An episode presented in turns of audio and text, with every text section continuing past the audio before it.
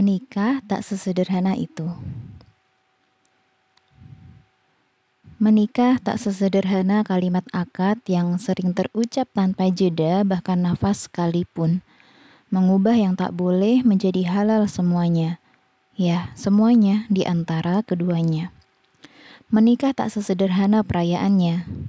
Walimah, satu potret bahagia bagi dua sejoli yang tengah mulai menanam rasa, dua orang yang tengah dimabuk asmara. Setelahnya, tentu tak sesederhana itu. Kehidupan yang tak sebahagia saat bulan madu, naik turun rasa emosi jiwa di hari-harinya, maka terlalu naif jika menyangka menikah itu haru biru belaka.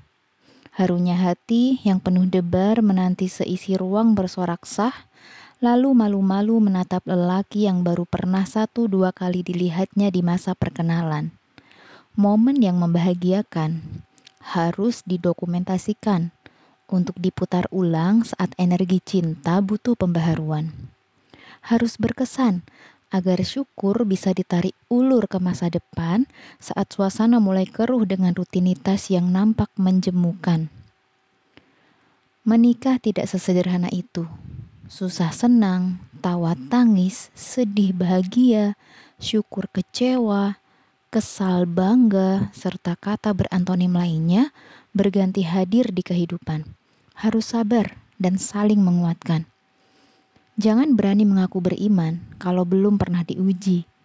Jangan merasa diri kuat kalau menyangkal saat badai datang menerima lalu menyusun strategi bersama hingga berakhir selesainya masalah ataupun muncul masalah berikutnya akan merekatkan hubungan.